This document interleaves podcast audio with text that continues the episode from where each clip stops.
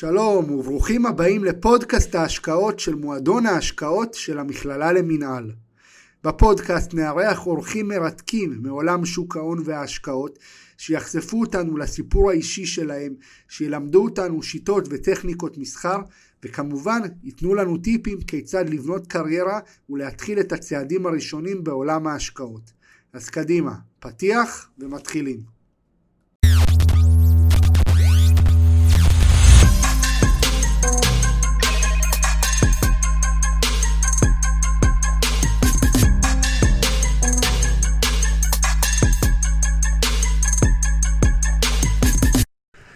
אז בפרק הראשון אנחנו מארחים את נועם מדר.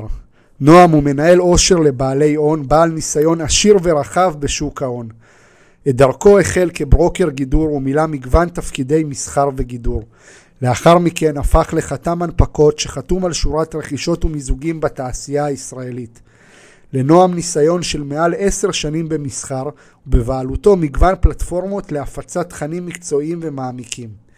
כיום הוא משמש כאנליסט בכיר בחברה בינלאומית מתפתחת. אז אהלן נועם, ברוך הבא לפודקאסט, מה המצב? אהלן גל, כיף להיות פה. אני אה, נראה לי כבר יצא להגיד לך שהמכלל מינהל זה מקום שאתה יודע, אני בתור אה, רשל"צי במקור, תמיד הייתי רואה על הכביש ומעולם לא יצא לי להיות פה. אני בסוף אה, למדתי בבר אילן, למדתי בטכניון גם. והמכלל מינהל תמיד היה נראה כמו מקום כזה שאתה רואה אותו על הכביש אתה אומר מעניין מתי יצא לי להיות להיות שם בפנים. ופתאום להגיע לפה דווקא בתור uh, אורח זה זה מאוד מרגש ואני מאוד שמח להיות כאן. איזה כיף אני מאוד שמח לארח אותך באמת תודה שהצטרפת אלינו. אה, אז ככה בפתיח טיפה נגעתי במי אתה ומה אתה גם כמובן שיש לך ערוצי תוכן בפייסבוק בטלגרם ביוטיוב אני באופן אישי עוקב בדוק אחריהם. אבל נראה לי שיותר מעניין לדעת קודם כל אה, מאיפה התחלת מה שנקרא מה מה היה הבסיס לכל הידע המטורף הזה שאתה שופך על אנשים. אמ, אז תראה קודם כל אני אני יכול להעיד על עצמי שאני סוג של בן אדם שנולד נולד לתוך עולם שוק ההון.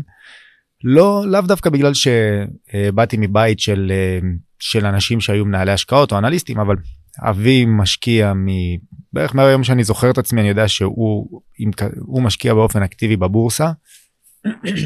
ו, ואני פשוט מגיל קטן תמיד נורא התעניינתי הייתי שואל אותו ושואל לגבי תשובה לגבי נוחי דנקנר לגבי פישמן לגבי משפחת רקנטי ולמשפחת קרסו ותמיד עניין אותי להבין ולהבין ולהבין.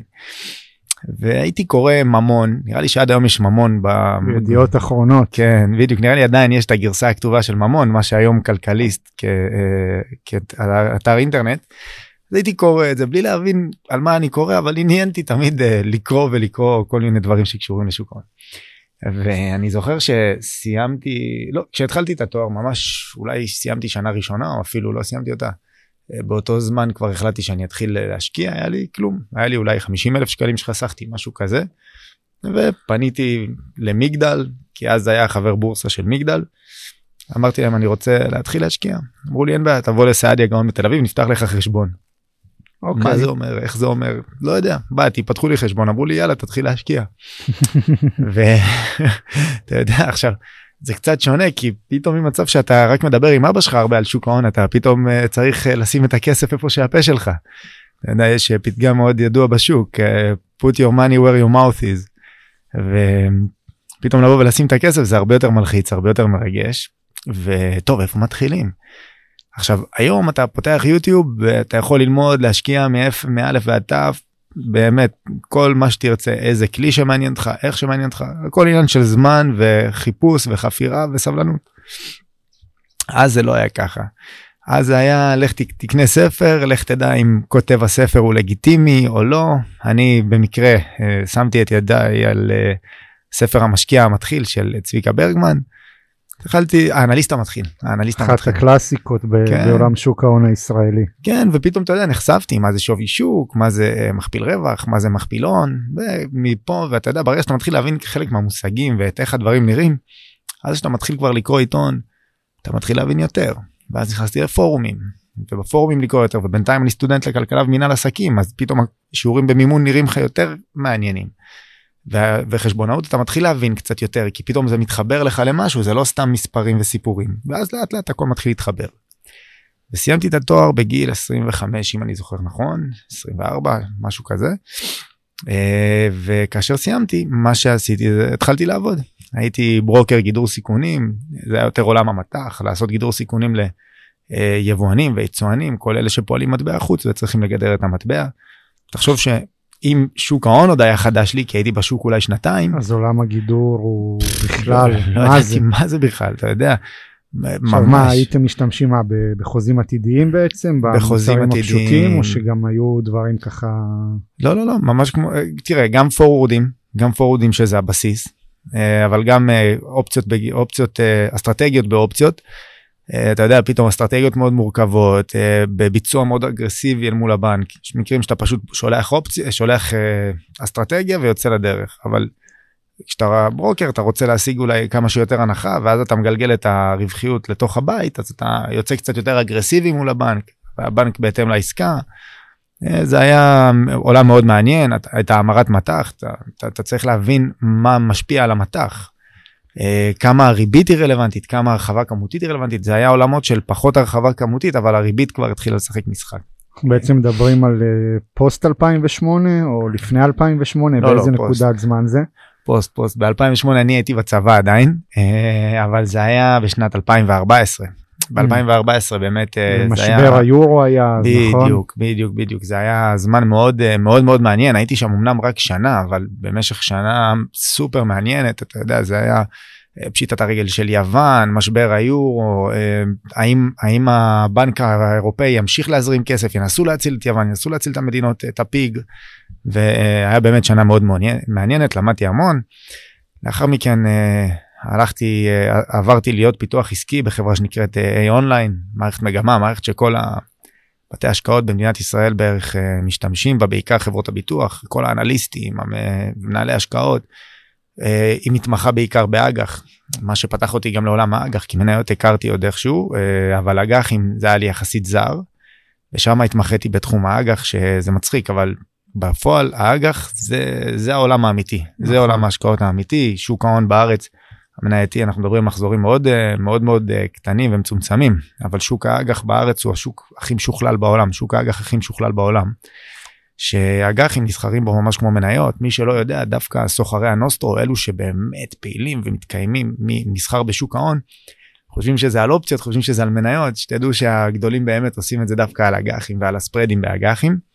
מה זה הספרדים האלה רק בוא תספר רגע למאזינים שפחות בקיאים אז תראה זה תלוי איך אנחנו מסתכלים אבל כשאני מדבר על ספרדים זה יכול להיות uh, על הפערי תשואות שאתה משחק עליהם אבל יש מושג באג"ח שנקרא ספרד מרווח מהממשלתי.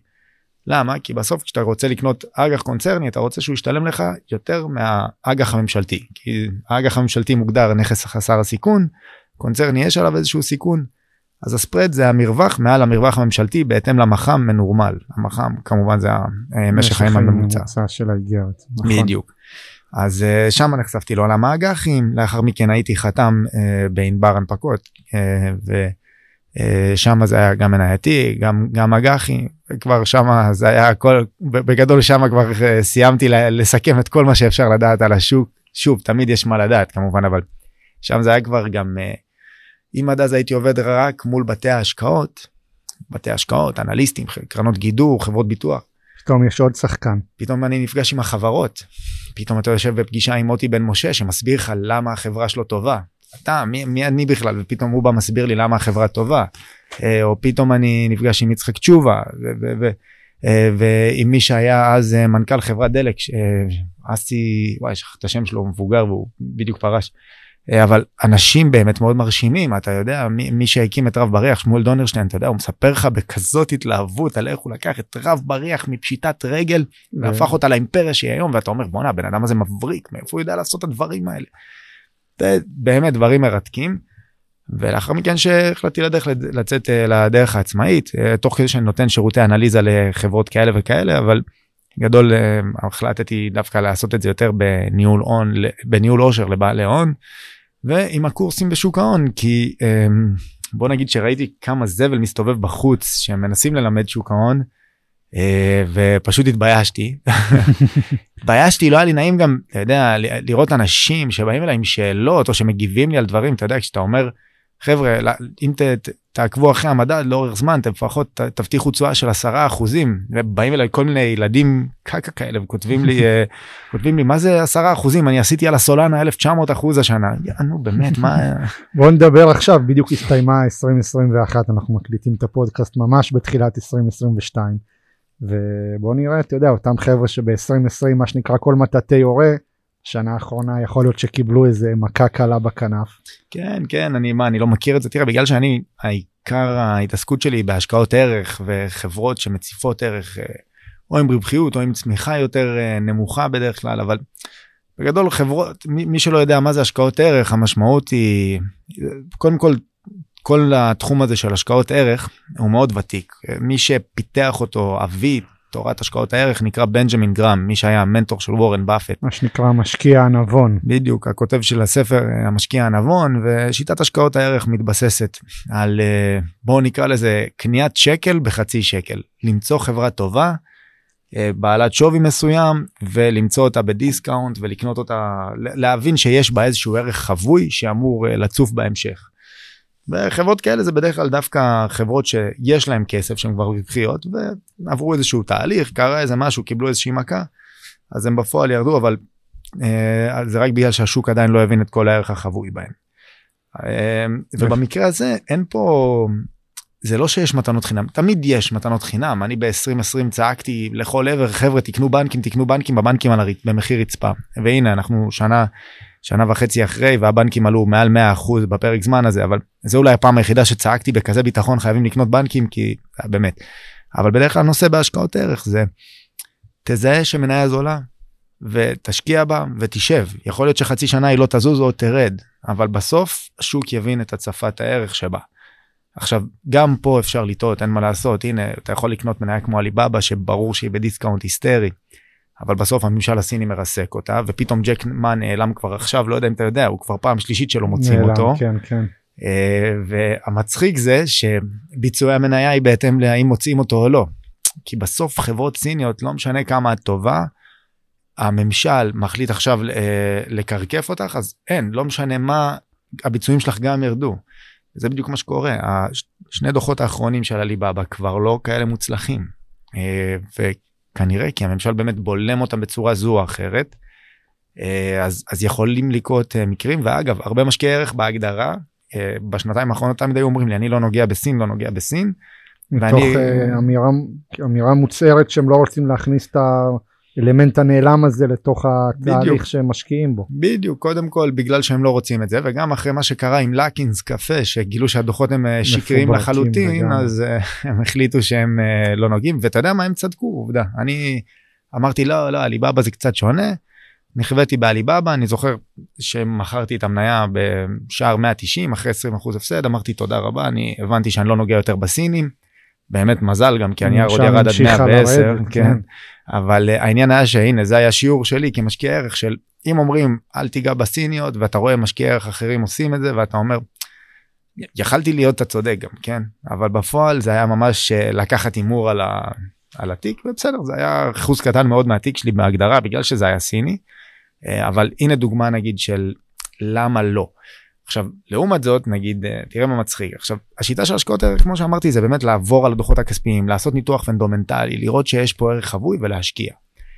וכששנת 2020 הייתה כל אה, כל מילניאל או כל אה, בן אדם שעובד באיזה חברת הייטק או כל אחד שמגדיר את עצמו טכנולוג הסביר לי למה וויקס הולכת לשנות את עולם אה, אתרי האינטרנט ולמה פייבר זה ה market place החדש והסביר והסביר והסביר ואני תמיד הייתי אומר חבר'ה זה לא משנה אם החברה טובה או לא סוף לכל דבר יש מחיר.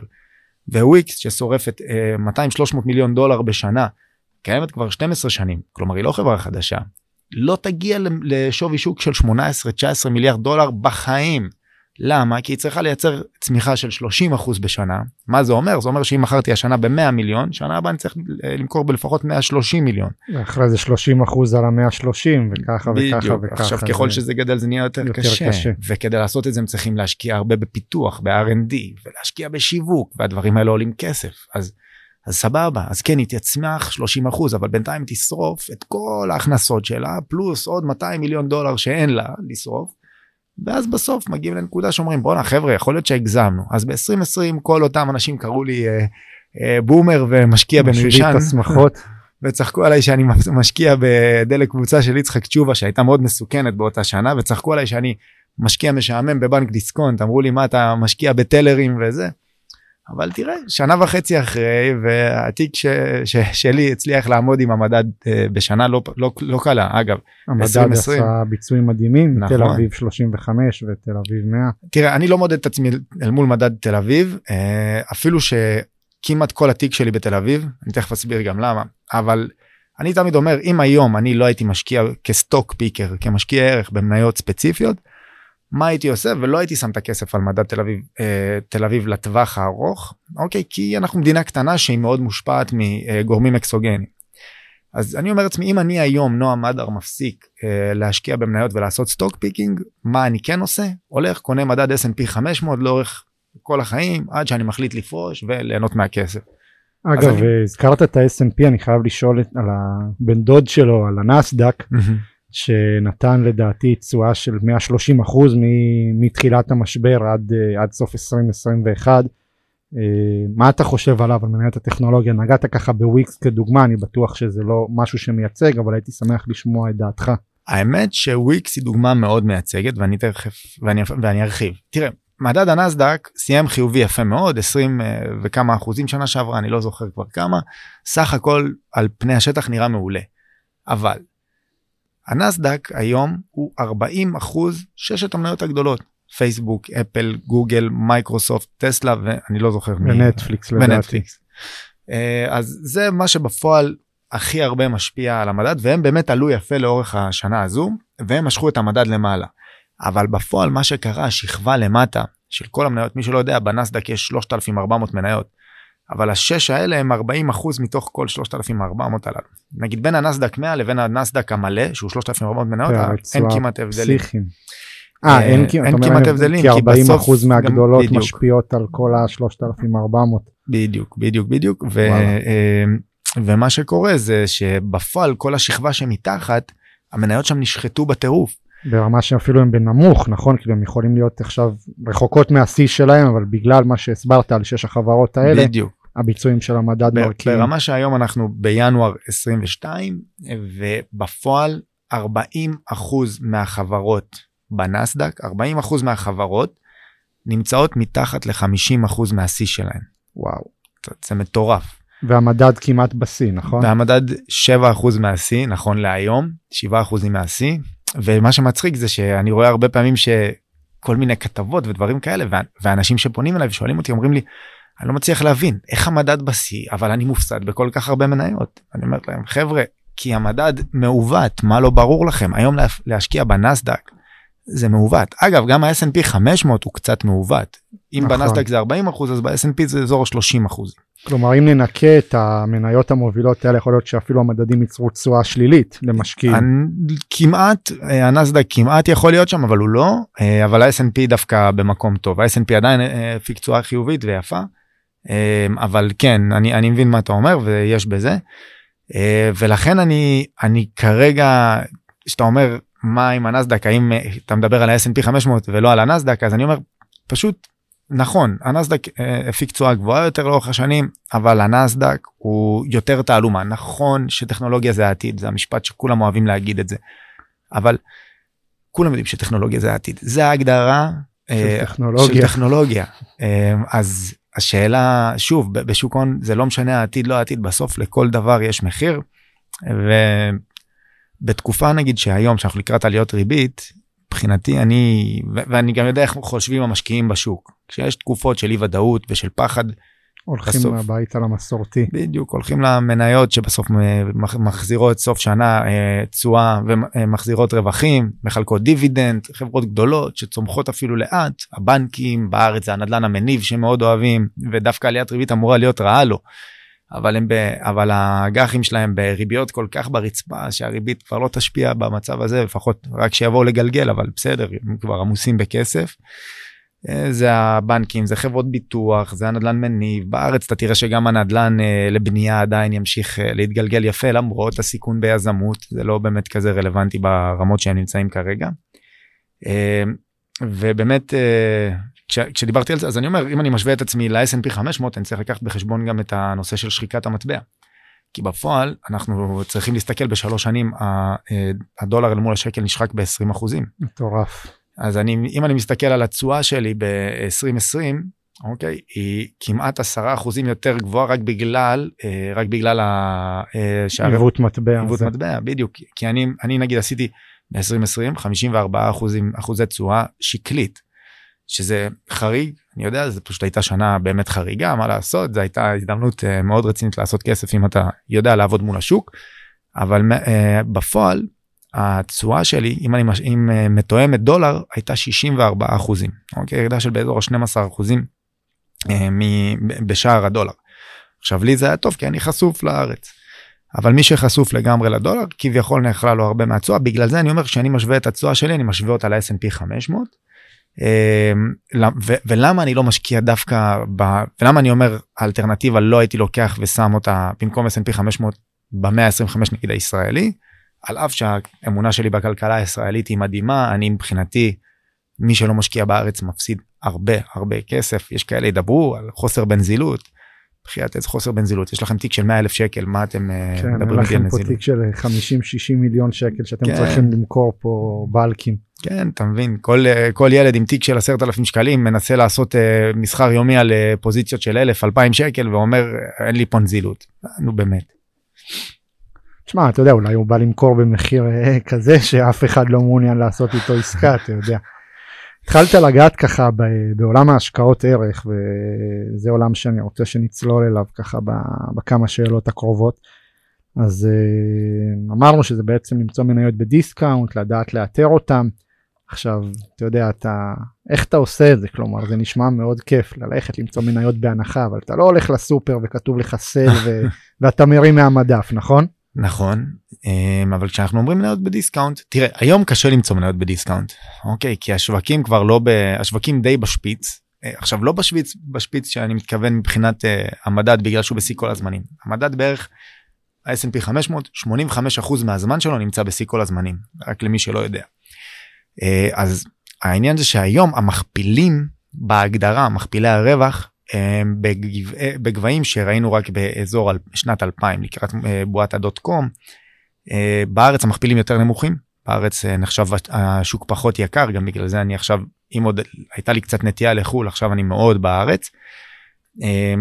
אז אם אנחנו מסתכלים על הנסדק למרות כל השחיטה הזו עדיין המכפילים שם גבוהים יחסית למכפילים ההיסטוריים בנסדק אוקיי בהגדרה לנסדק יש מכפילים גבוהים יותר. כשאנחנו בוחנים forward PE, כלומר מכפיל רווח לשנה הקרובה, זאת אומרת שאנחנו בוחנים את הרווחים העתידיים אל מול, ה, אל מול השווי שוק, עדיין אנחנו רואים מכפילים באמת גבוהים, לכן היום יותר קשה למצוא מניות בדיסקאונט, אבל קודם כל אנחנו תמיד נבחן צמיחה, אה, כשנפתח דוחות כספיים נרצה לא רק למצוא את הצמיחה, אלא לחפש גם ערך חבוי מסוים, לדוגמה קרקעות ותיקות שבשוערכות בספרים לפי 1900 לפי 1900 ומשהו. ומשהו בחברות כמו אה, אזורים וכל מיני אה, חברות ישראליות מאוד ותיקות, סיימון פרופרטי גרופ, למרות שכבר אה, עשו את העלייה שלהם. אבל כל מיני חברות כאלה שיש להם קרקעות שמשוערכות במעט. אינטל שביחס למתחרות שלה נכון יש הרבה אי ודאות לגבי לגבי העתיד של אינטל אבל בסוף מחזיקה בחברה כמו מובילאיי שהיא רק עכשיו דיברה בדיוק עכשיו יצאה בהודעה לקראת ההנפקה שלה אה, אני מניח שגם את אלטרה היא תרצה להנפיק באיזשהו שלב. ארה"ב אני מאמין בגלל אה, שהיא נהייתה בתלות גבוהה מדי על TSMC תרצה להסיט קצת השקעות ולתמוך בהם כל מיני דברים כאלה לחפש את המקומות של חברות שנפגעו אבל המשקיעים מפספסים את המקום שבהם יכולים עדיין להציף ערך ואגב אפילו פייסבוק לדעתי עדיין במחיר יחסית נמוך ביחס לשווי שלה. המניה שלה כיום בכלל לא מתמחרת את העובדה שאוקולוס כנראה תהיה העתיד של עולם הבילוי והפנאי ואפילו העבודה. לגמרי, לגמרי, ואנחנו גם כן ניגע בזה כבר, ב... באיך מתמחרים את המניות טכנולוגיה האלה. אני רוצה רגע לחזור לתשובה שלך ורגע להתעמק בה ברשותך. אם אני מבין אותך נכון, אז בעצם אנחנו, עולם ההשקעות ערך מושפע משני גורמים עיקריים. העניין הראשון זה באמת אה, אירועים ברמת המקרו, כמו שציינת, אינטל והתלות שלה בייצור זר, וגם אה, כל מיני יחסים פיננסיים ונתונים שאנחנו מצליחים להפיק מתוך ניתוח של הדוחות הכספיים של החברה. אה, אז בעצם זה משהו שכל אדם יכול ללמוד, או שזה עניין שהוא מורכב, אתה יודע, צריך להיות עם ידע במימון, בחשבונאות, בכלכלה וכן הלאה.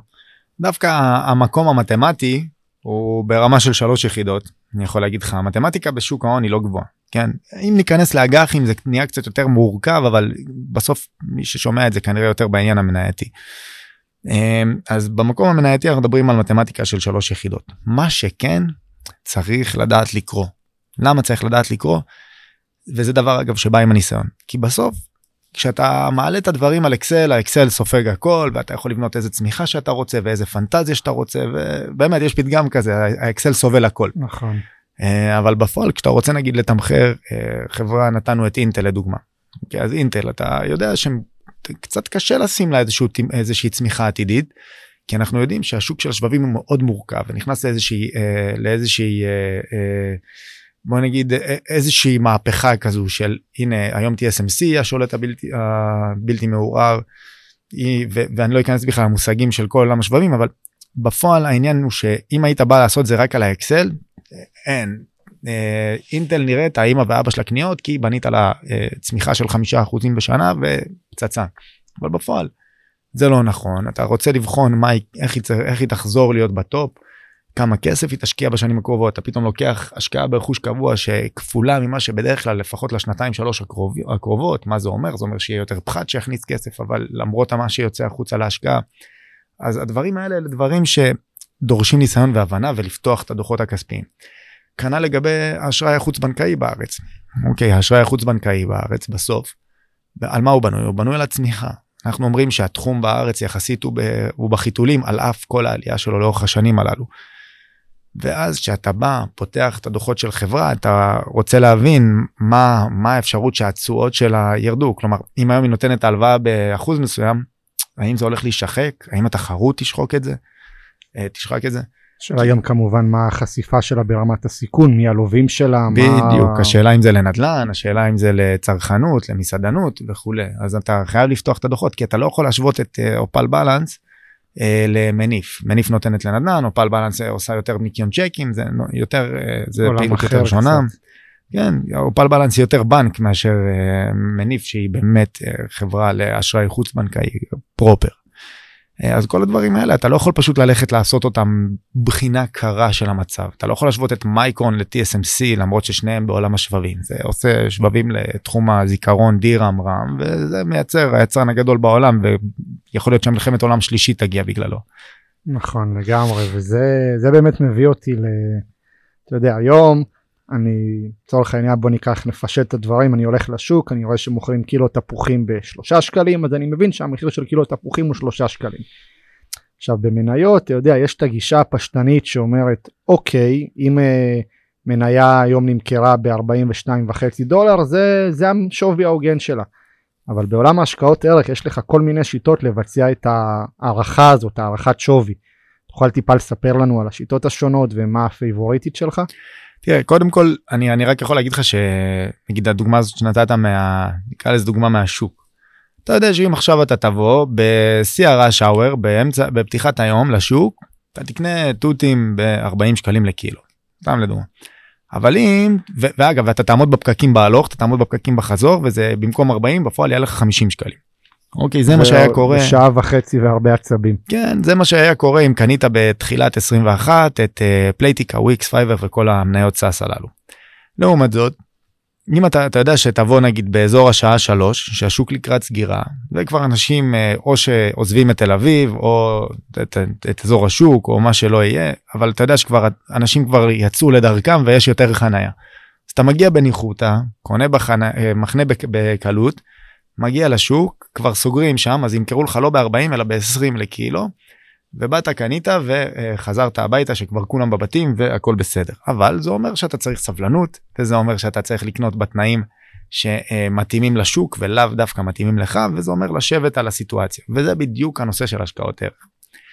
אם אני עכשיו בא ואני לא רוצה לשבור את הראש ואני אומר אה, אני רואה שפלייטיקה עולה אז אני אקנה פלייטיקה ולרכב על המגמה אז אם אתה עושה את זה ליום יומיים ולנסות לרכב על המגמה בסדר אז אני, ניסית להיות מנתח טכני או ניסית להיות סוחר יומי זה עניין שלך. אה, אבל אם אתה רוצה ו- ואתה חייב להיות תמיד עם אצבע על הדופק. אבל אם אתה אומר אני רוצה לקנות מניה ולא להסתכל עליה עכשיו שנה או לא להסתכל עליה רבעון עד שהיא תוציא דוחות כספיים. אז דורש ממך עבודה. מה העבודה? העבודה זה קודם כל באמת אה, לחפש את, את החברה שאתה רוצה למצוא. עכשיו תראה. קודם כל הגישה של השקעות ערך היא משתנה בין, אה, בין סקטור לסקטור. בין סקטור לסקטור ובין אה, סוג המשקיע. כלומר אה, יש כאלה שלא ייגעו במניות שהם לא בתחומים שהם לא מכירים.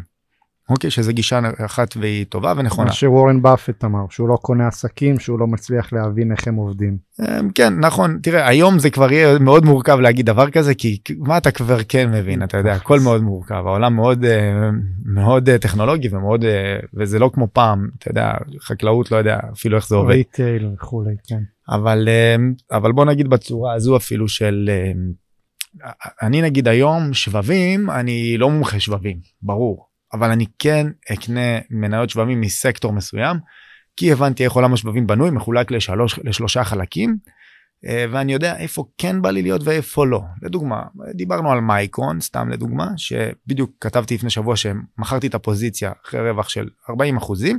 הסברתי למה נכנסתי הסברתי למה אפילו שמדברים על המחסור בשבבים בעולם אני מבחינתי אה, מיציתי את ההחזקה בנייר היא פחות או יותר אה, נסחרת בשווי ההוגן יכול להיות שהיא תמשיך לעלות כן אני מבחינתי חושב שהצפת הערך שם הגיעה לכדי מיצוי. עכשיו אז, אז זה לא שאני מומחה גדול בעולם השבבים אבל הבנתי איך הסקטור עובד הבנתי איך להסתכל על החלוקה וגם הבנתי מה המאפיינים שאמורים להשפיע על המשך אה, המקום הזה. כלומר אם אני עכשיו מסתכל על תחום ה-IoT Internet of Things אני יודע שעולם השבבים שמה בתחום הזה ובתחום הרכב החשמלי שם באמת יש חוסר. וחברות ישראליות שאחראיות ב- לייצור מכשירי המדידה לפריטים לשבבים החסרים הללו דוגמה ישראליות זה קמטק ונובה אז אני יכול לבחור אה, להיחשף אליהם אבל לקראת הדוחות בגלל שאני יודע שתחום השבבים עכשיו הוא בצמיחה מאוד רצינית כי יש איזשהו צפי אה, ש... כי, כי יש חוסר עולמי אבל כשיש חוסר עולמי זה אומר שגם מייצרים בטירוף או מנסים לפחות להדביק את הפער אז אני יודע שלקראת הדוחות אני אשים קצת יותר עין. כי אני לא, כי אני לא, לא לספוג באמת... את החוסר ודאות שהדוח יכול לייצר בדיוק. בעצם. אולי אני אקטין את הפוזיציה לפני, בינתיים הנייר יעלה, אני אקטין את הפוזיציה קצת לפני, דברים בסגנון הזה. Uh, מתוך הבנה שיכול להיות שהתחום uh, יגיע לאיזושהי רוויה בדוחות, כי מספיק שיעלו ימי המלאי בחברות הללו, כבר זה יאותת לנו שהופה. Uh, אז יש כאלה שלא נוגעים במה שהם לא, uh, שנגיד אם אני לא מעולם השבבים אני לא אגע בשבבים. אז אני אומר לו, אני דווקא בגישה של אני יכול טיפה ללמוד את עולם השבבים ולהבין איך כן להסתכל עליו. אמ, זאת אגב אני חושב אחת הסיבות ששוק ההון זה עולם שהוא מרתק וגם אני גילוי נאות ראיתי את הקורס שלך. נכון. וכל העולם הזה בעצם יש לך שם פרק אה, או סרטון שאתה מדבר על זה שמסחר בשוק ההון הופך אותך לאדם חד יותר נכון? כי נכון. אתה בעצם לומד לעשות אינטגרציה בין מלא מלא נתונים ומלא אירועים ומבין איך הם משפיעים על השוק. ובאמת זה מאוד uh, נכון שאפשר ללמוד את הדברים האלה ולא צריך להגביל uh, לתחומים מסוימים. נכון אבל גם אני אוהב להגיד ו, וגם הרבה אנליסטים בשוק אומרים את זה איש שוק ההון טוב חייב להיות סקרן.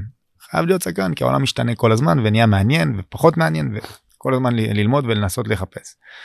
Uh, דרך נוספת להסתכל uh, יש כאלו שהם אוהבים בעיקר למצוא והאמת שגם אני זה התגבר אצלי במהלך השנה שנתיים האחרונות. להשקיע דווקא בחברה שבעל השליטה מאוד פעיל שם או מחזיק אה, אחוז מאוד גדול.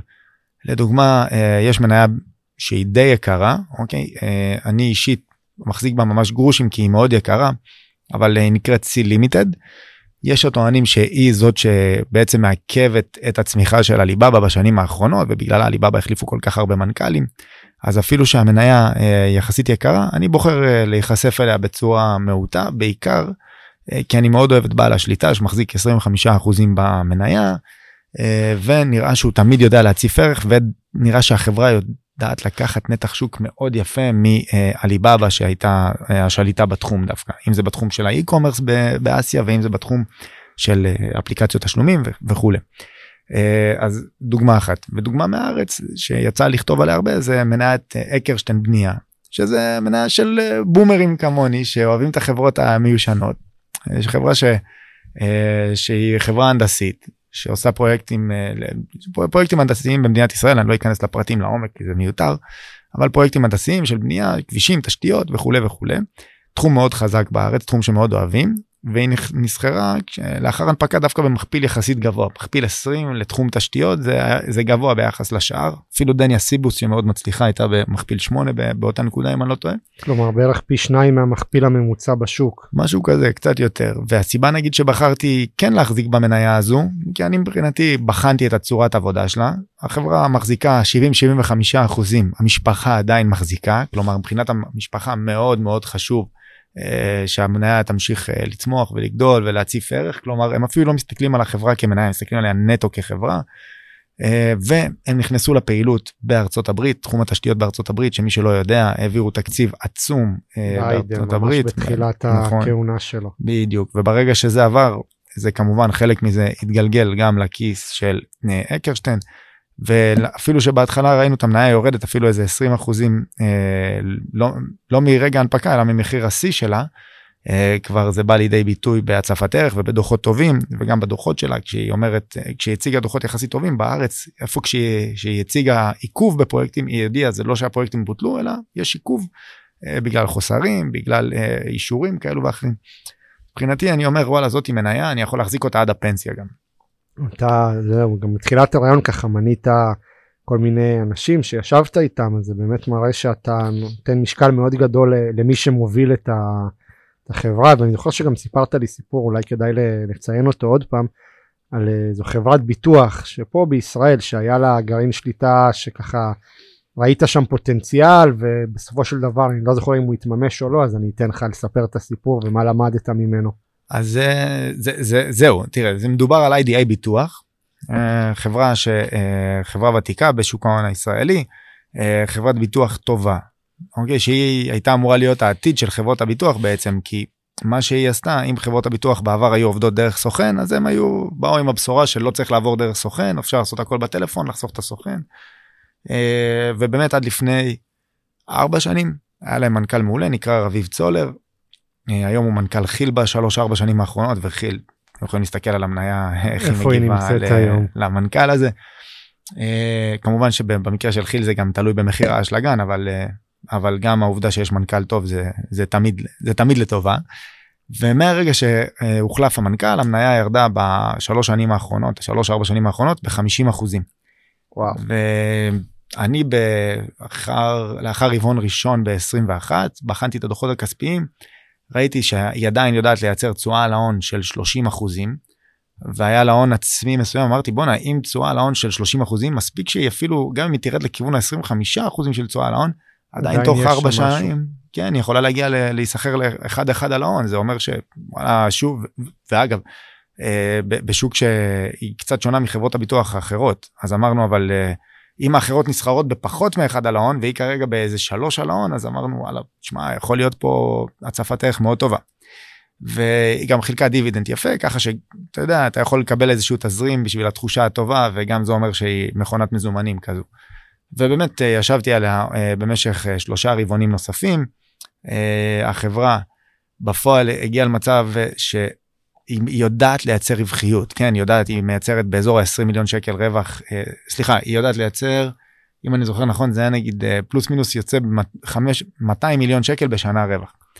אבל בפועל זה לא גדל, זה נשאר לאורך כל הרבעונים כזה, בדיוק הרווח הזה, כלומר לא ראית צמיחה?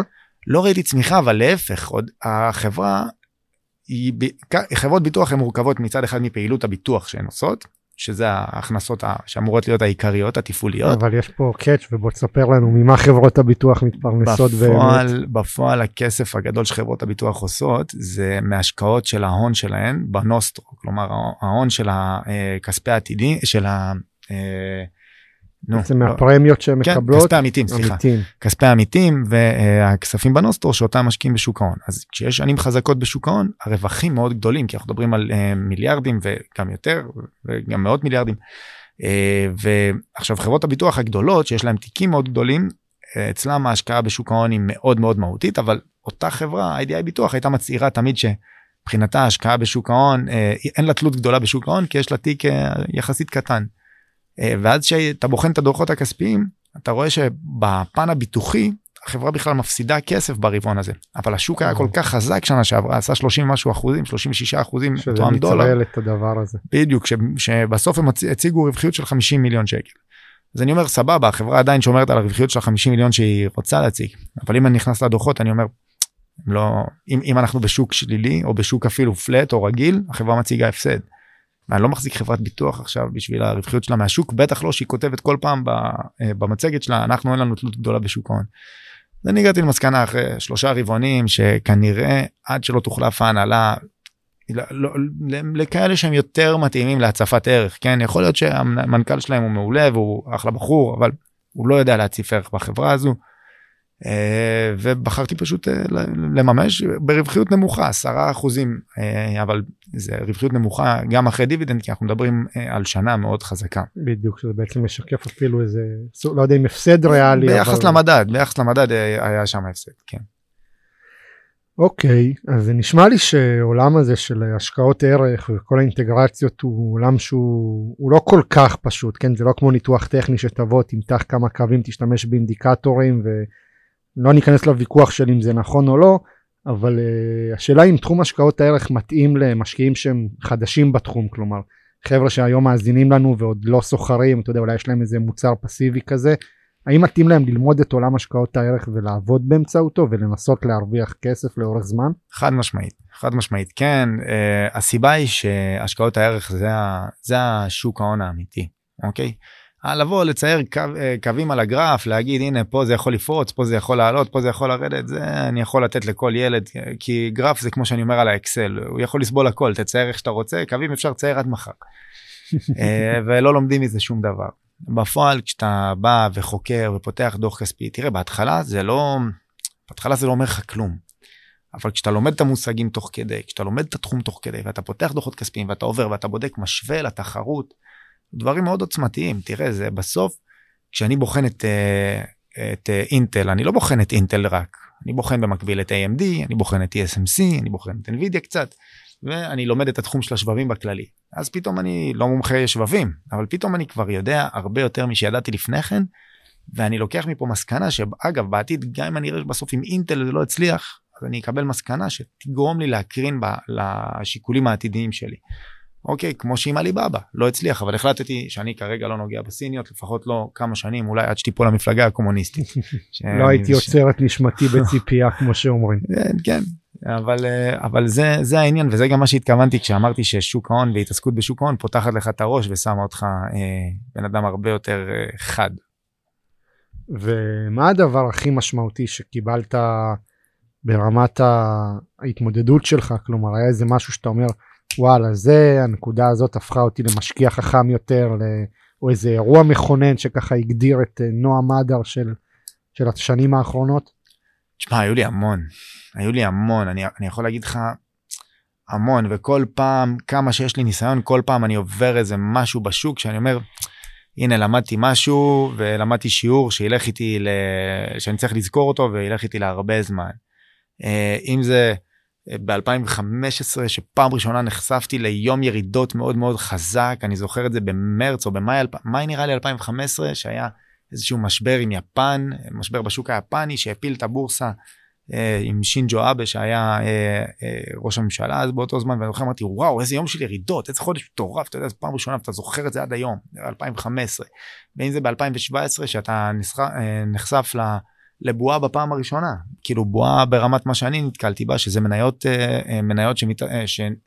קושרו לשוק הקריפטו. אוקיי, אז שוק הקריפטו היה יותר חדש ממה שהוא היום, פחות נכון, בהייפ. גם אז הביטקוין היה באיזה שיא של 20 אלף נכון. דולר וחווה צניחה מטורפת. בדיוק. במשך שנה הגיע, יודע, לאזור ה-5,000 חזר, גם לשלוש, כזה. נכון. עכשיו בדיוק באותה שנה, זה בעצם השנה שהסוג של הביטקוין פרץ לפר... לתודעה. לתודעה. נכנס למהדורות. כן, נכנס למיינסטרים כזה. ובאמת שם למדתי uh, פתאום את הבועה הראשונה כי כבר הייתי בשוק פעיל בשוק וראיתי איך בועה נראית ואיך מניות טסות ועולות ואנשים חוגגים ואני זוכר את חבר שלי מרוויח 20 אלף שקל ביום מזה אבל למחרת מחקו לו 15 ועדיין נשאר ברווח אבל מאותו רגע הוא כבר לא נגע בדברים האלה יותר וגם אני. ואז הגיע 2018 ראיתי את אותו דבר את אותה בועה עם, אה, עם שוק אה, חברות הקנאביס. אה, במקביל אתה פתאום רואה סקטור אחר שמתחיל לצמוח וצומח בהצלחה שוק האשראי החוץ בנקאי.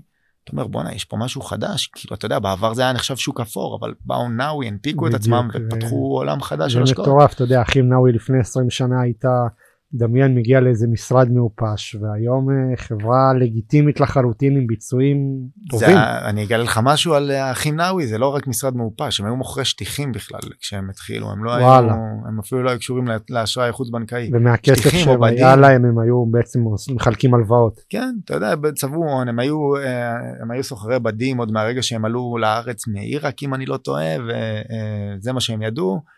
וכמו עיראקים טובים הם אה, ידעו לעשות מסחר ויודעים לעשות כסף העיראקים. אה, ובאמת אה, הגיע, הגיעו לנקודה שפתאום איכשהו מצב שהם נותנים הלוואות והם נהיו חברה ואני זוכר שקראתי כתבה איתם לפני איזה שש שנים כשהם הנפיקו. והם אמרו אחת הסיבות העיקריות שרצינו להנפיק זה שיבינו שהאשראי חוץ בנקאי זה לא שוק אפור. שזה לא- לגיטימי. לא, לא שוברים רגליים לאף אחד אם הוא לא מחזיר אלא יש הליכים משפטיים והליכי גבייה לגיטימיים. אז שם אתה נחשף ואז מגיע 2018 והשנה פתאום שלילית. עכשיו אני אה, הייתי בשוק. משבר הריפו היה בדיוק, כואב. בדיוק ואני אני כאילו אומר fuck וואלה יכול להיות שנה אדומה גם כאילו אתה יודע אחרי ש2016 15 16 17 אתה עושה כסף פתאום הגיע 2018 בום. אתה אומר מה קרה פה עכשיו והשנה הזאת התחילה גם כשינואר פברואר היו מעולים ואז מרץ התרסקות ואז השנה דשדשה כלפי מטה ובדצמבר התרסקה אה, איזה עשרה אחוזים. ואז פתאום אתה רואה את 2019 אה, עולה חזרה, אתה רואה את הרווחים מתחילים להצטבר, אתה רואה איך הכל חוזר, 2020 הגיעה הקורונה. בקיצור, כל שנה אני פתאום קולט שאני לומד, ב-2020 עשיתי טעות שקניתי תעודת סל על הנפט, כי אמרתי, אה, הנה הזדמנות, בסוף ראית הנפט הגיע למחיר שלילי. כל הזמן אתה לומד, כל הזמן אתה לומד. נגיד השנה אני אומר על 21 למדתי כמה ההנהלה ובעלי השליטה ומי שפעיל בחברה משמעותי לחברה אם זה בדוגמה שנתנו על, אה, על עליבאבא שאגב מאוד מושפעת בגלל, ה, אה, בגלל הגורמים הסינים אם זה חברה כמו IDI ביטוח אם זה גילת טלקום סאטקום מה שנקרא ש... טסלה שלדעתי זו הדוגמה הכי בולטת היום למנכ"ל חזק שמצליח. טסלה טסלה זה תופעה בפני עצמה כי אבל טסלה בסוף פרט לעובדה שהיא תופעה בפני עצמה היא, היא משהו שלא ניתן להסביר כי היא, היא לא חברת רכב, היא לא חברת טכנולוגיה, היא, אה, היא לא חברת... אה, איך היית עושה ניתוח ערך למניה כמו טסלה? מעניין אין אותי. לי, אין לי איך, אין לי איך. בפועל, הנה, נגיד, אנשים אומרים לי, אה, נגיד סתם, אני דעתי נתתי על זה שטסלה יקרה לא מעט, כן? אבל בפועל, אתה יודע, ואז אנשים יוצאים עליך על זה, או שאומרים לך שאתה צודק, או שאתה טועה, אבל בפועל זה, זה לא היה משנה, כי מבחינתי אין לי איך לתמחר אותה. וגם אם אתה שואל את אלה שכן מחזיקים טסלה זה לא שהם עשו איזה מודל אה, גאוני. אנחנו מאמינים באילון מאסק אנחנו מאמינים שטסלה תשלוט בעולם אנחנו מאמינים שטסלה היא לא רק חברת איזה. כמו קאט נשמע קאט טסלה. זה ידוע שזו קאט אה, איך אמרו לי טסלאים קראו להם לעצמם טסלאים. אז בפועל אני לא לא מחזיק מניות שאני לא יודע לתמחר אותן הנה מאנדיי לקראת ההנפקה הסברתי כמה מאנדיי היא מנופחת בטירוף אבל כשהיא הונפקה היא עלתה 150 אחוזים. מישהו אמר לי נו מה אתה עדיין חושב שהיא מנופחת אני אומר לו חשבתי מקודם ועכשיו מבחינתי האבא והאמא שלו מנופחות. אם ראית היום כתבתי יצא קצת האוויר נכון היום כתבתי על זה שהיא ירדה 40 אחוז מהשיא והיא מנפקה כולה לפני חצי שנה עכשיו מי נראה לך קונה בשפיץ. האדם הקטן שקרא כתבה על הנה מאנדיי טסה בא קנה והנה הוא מופסד 40 אחוז. אה, והיא עוד תרד כן זה לא זה, זה עכשיו החברות האלה ברור גם שנגיד אחרי חצי שנה שייקח חצי שנה עד שהם ירדו. כי בחצי שנה הראשונה העובדים שמחזיקים הרבה מניות חסומים ולא יכולים למכור. נכון. ואחרי חצי שנה הם רואים שהנייר התנפח למחירים שהם בעצמם לא מבינים. באים זורקים הכל אומרים תביא את הכסף אני אקנה את זה כבר כן. בהמשך אולי אני. גם ככה אני מקבל אה, אופציות אחת למשכורת אז אה, כן. או מניות אז אה, אני בסדר. שים את זה בכיס בדיוק. תגיד הזכרת פה לא פעם שאתה בומר קצת אפילו מיושן אולי בתפיסה שלך. בוא נדבר קצת על עולם הקריפטו, בא לך? יאללה.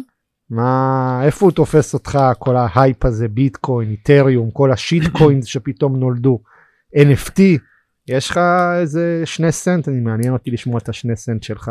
כן, תראה, קודם כל, כמו שאני יצא לדבר על זה, אני אישית, יש לי 5 אחוז, 5 אחוז אה, בתיק שמוקצים למה שאני מגדיר אה, ספקולציות.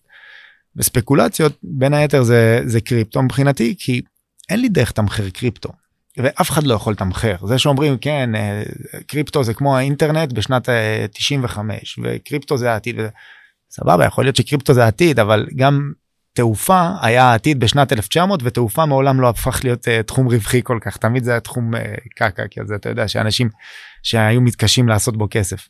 משפט מאוד מפורסם של uh, ריצ'רד ברנסון המיליארדר מוורג'ין גלקטיקס וזה אז uh, הוא היה אומר הדרך הכי מהירה להפוך להיות מיליונר היא קודם כל תהפוך להיות מיליארדר ואז תפתח חברת תעופה.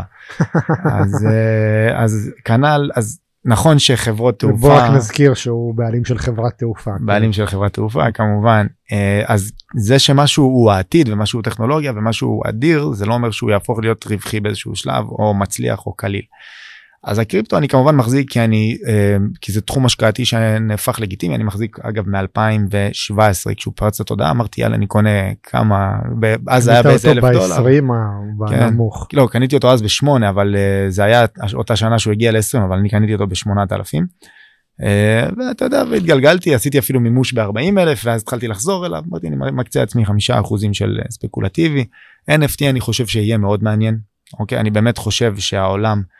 Uh, ה-NFT יהיה משהו אינטגרלי מהחיים שלנו, אבל כרגע כל מי שחושב של לעשות כסף מ-NFT זה לא יותר מהימור בעיניי, מהסיבה המאוד פשוטה. NFT זה כיום על תקן אומנות. בדיוק. עכשיו כמו שאתה לא מבין בציורים של ואן גוך או בציורים של פיקאסו אה, או במוזיקה של מוצרט או מה נחשב יותר ומה נחשב פחות, ככה אני לא חושב שאתה מבין אה, במינטים ומה ואיזה ציור הולך להיות מצליח. אה, אבל אני מאוד מאמין ב-NFT ואני גם עכשיו בונה קורס של אה, השקעות באמצעות NFT.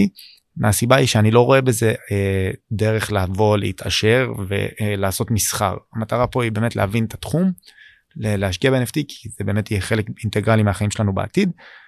וסיבה נוספת שאני אומר על הקריפטו שבאמת אי אפשר לתמחר אותו לדעתי. קודם כל הביטקוין כולם אומרים כמה הוא מיושן. אוקיי, ביטקוין נחשב המטבע הכי מיושן טכנולוגיה הכי ישנה אבל בסוף הוא המדד של עולם הקריפטו.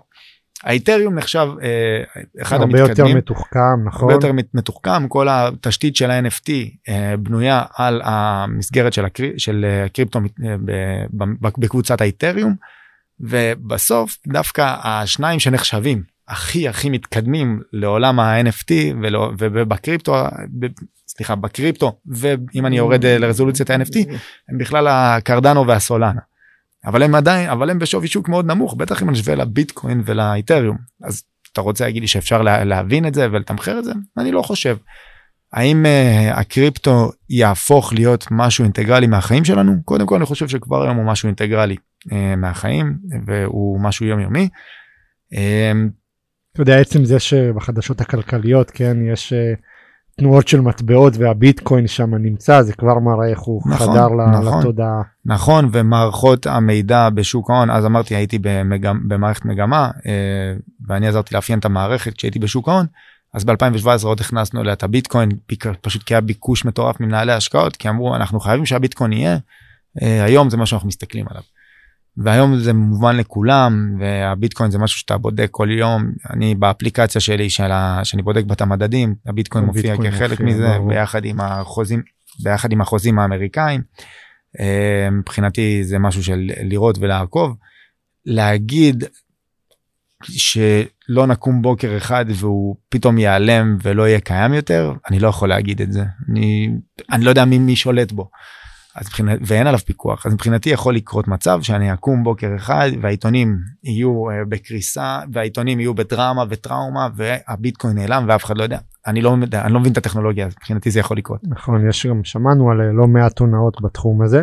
נכון. אני רוצה רגע לחזור למשפט שככה אמרת בתשובה שלך והוא נחרט לי ואני רוצה לחבר אותו למשהו. אמרת שאתה נכנסת לביטקוין בשנת 2017 ככה קצת לפני שהוא פרץ עמוק לתודעה. זה מביא אותי לאפקט אה, מאוד חזק בשוק ההון שזה הפומו, fear of missing out. Mm-hmm.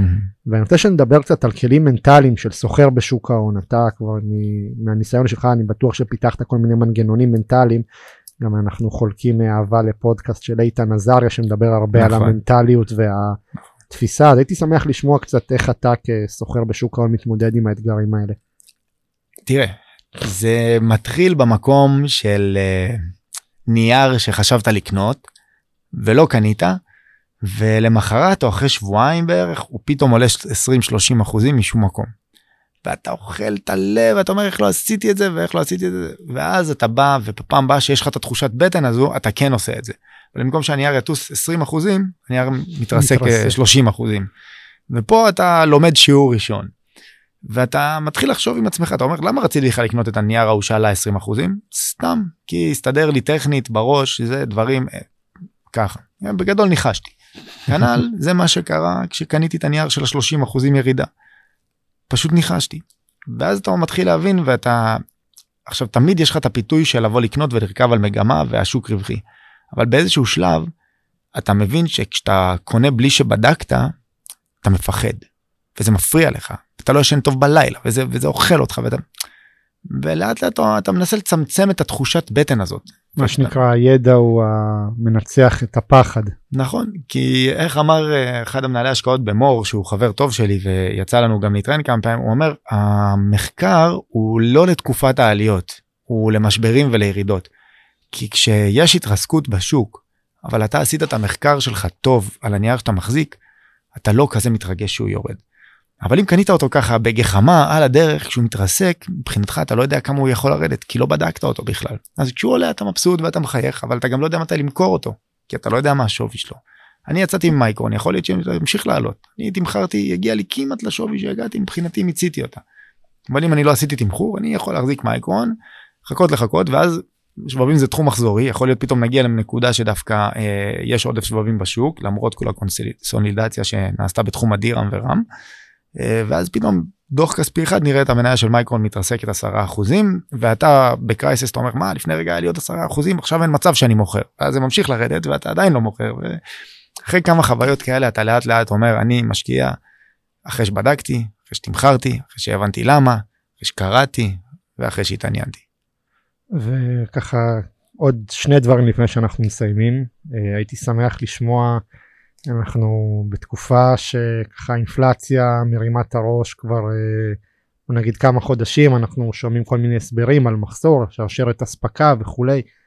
אה, איך אפשר להתגונן מהאינפלציה כלומר איזה פעולות אנחנו יכולים לעשות כדי להגן על, ה, על השוק על ההשקעות שלנו.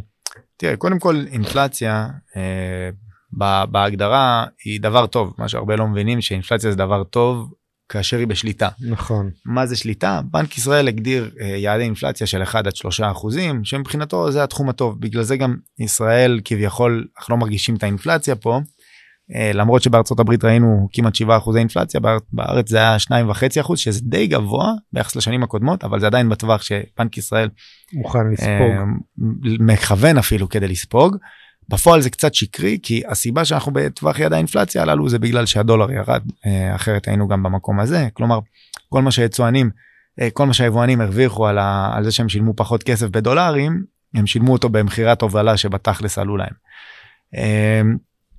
אבל בפועל בהגדרה כדי להתגונן מפני אינפלציה יש לנו כמה דרכים. האחד זה להחזיק מניות שיכולות לגלגל את העלויות לצרכנים שזה לדוגמה מניות של אה, מוצרי מוצרי יסוד אבל לא מוצרי יסוד אלא חומרים כלומר סחורות סחורות ברמת האשלגן ברמת הערד כאלה חברות שזה מה שהן עושות שהן מייצרות הן יכולות מגלגלות אליך את המחיר את כל עליית המחיר פשוט מגלגלות אליך ואתה תקנה. M1 שתיים זה חברות חומרי אגב גם חומרי טעם וריח וכאלה זה גם על אותו משקל.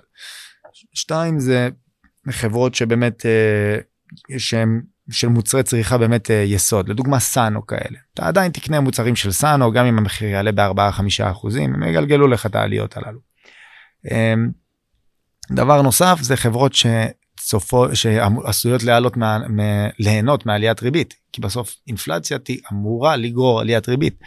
ומי נהנה מעליית ריבית? הבנקים מן הסתם נהנים אשראי חוץ בנקאי אשראי חוץ בנקאי חברות הביטוח שהרבה מהן יש להן יש להן קרנות פנסיה ותיקות שמובטחת בהם תשואה כאילו כי הן ותיקות.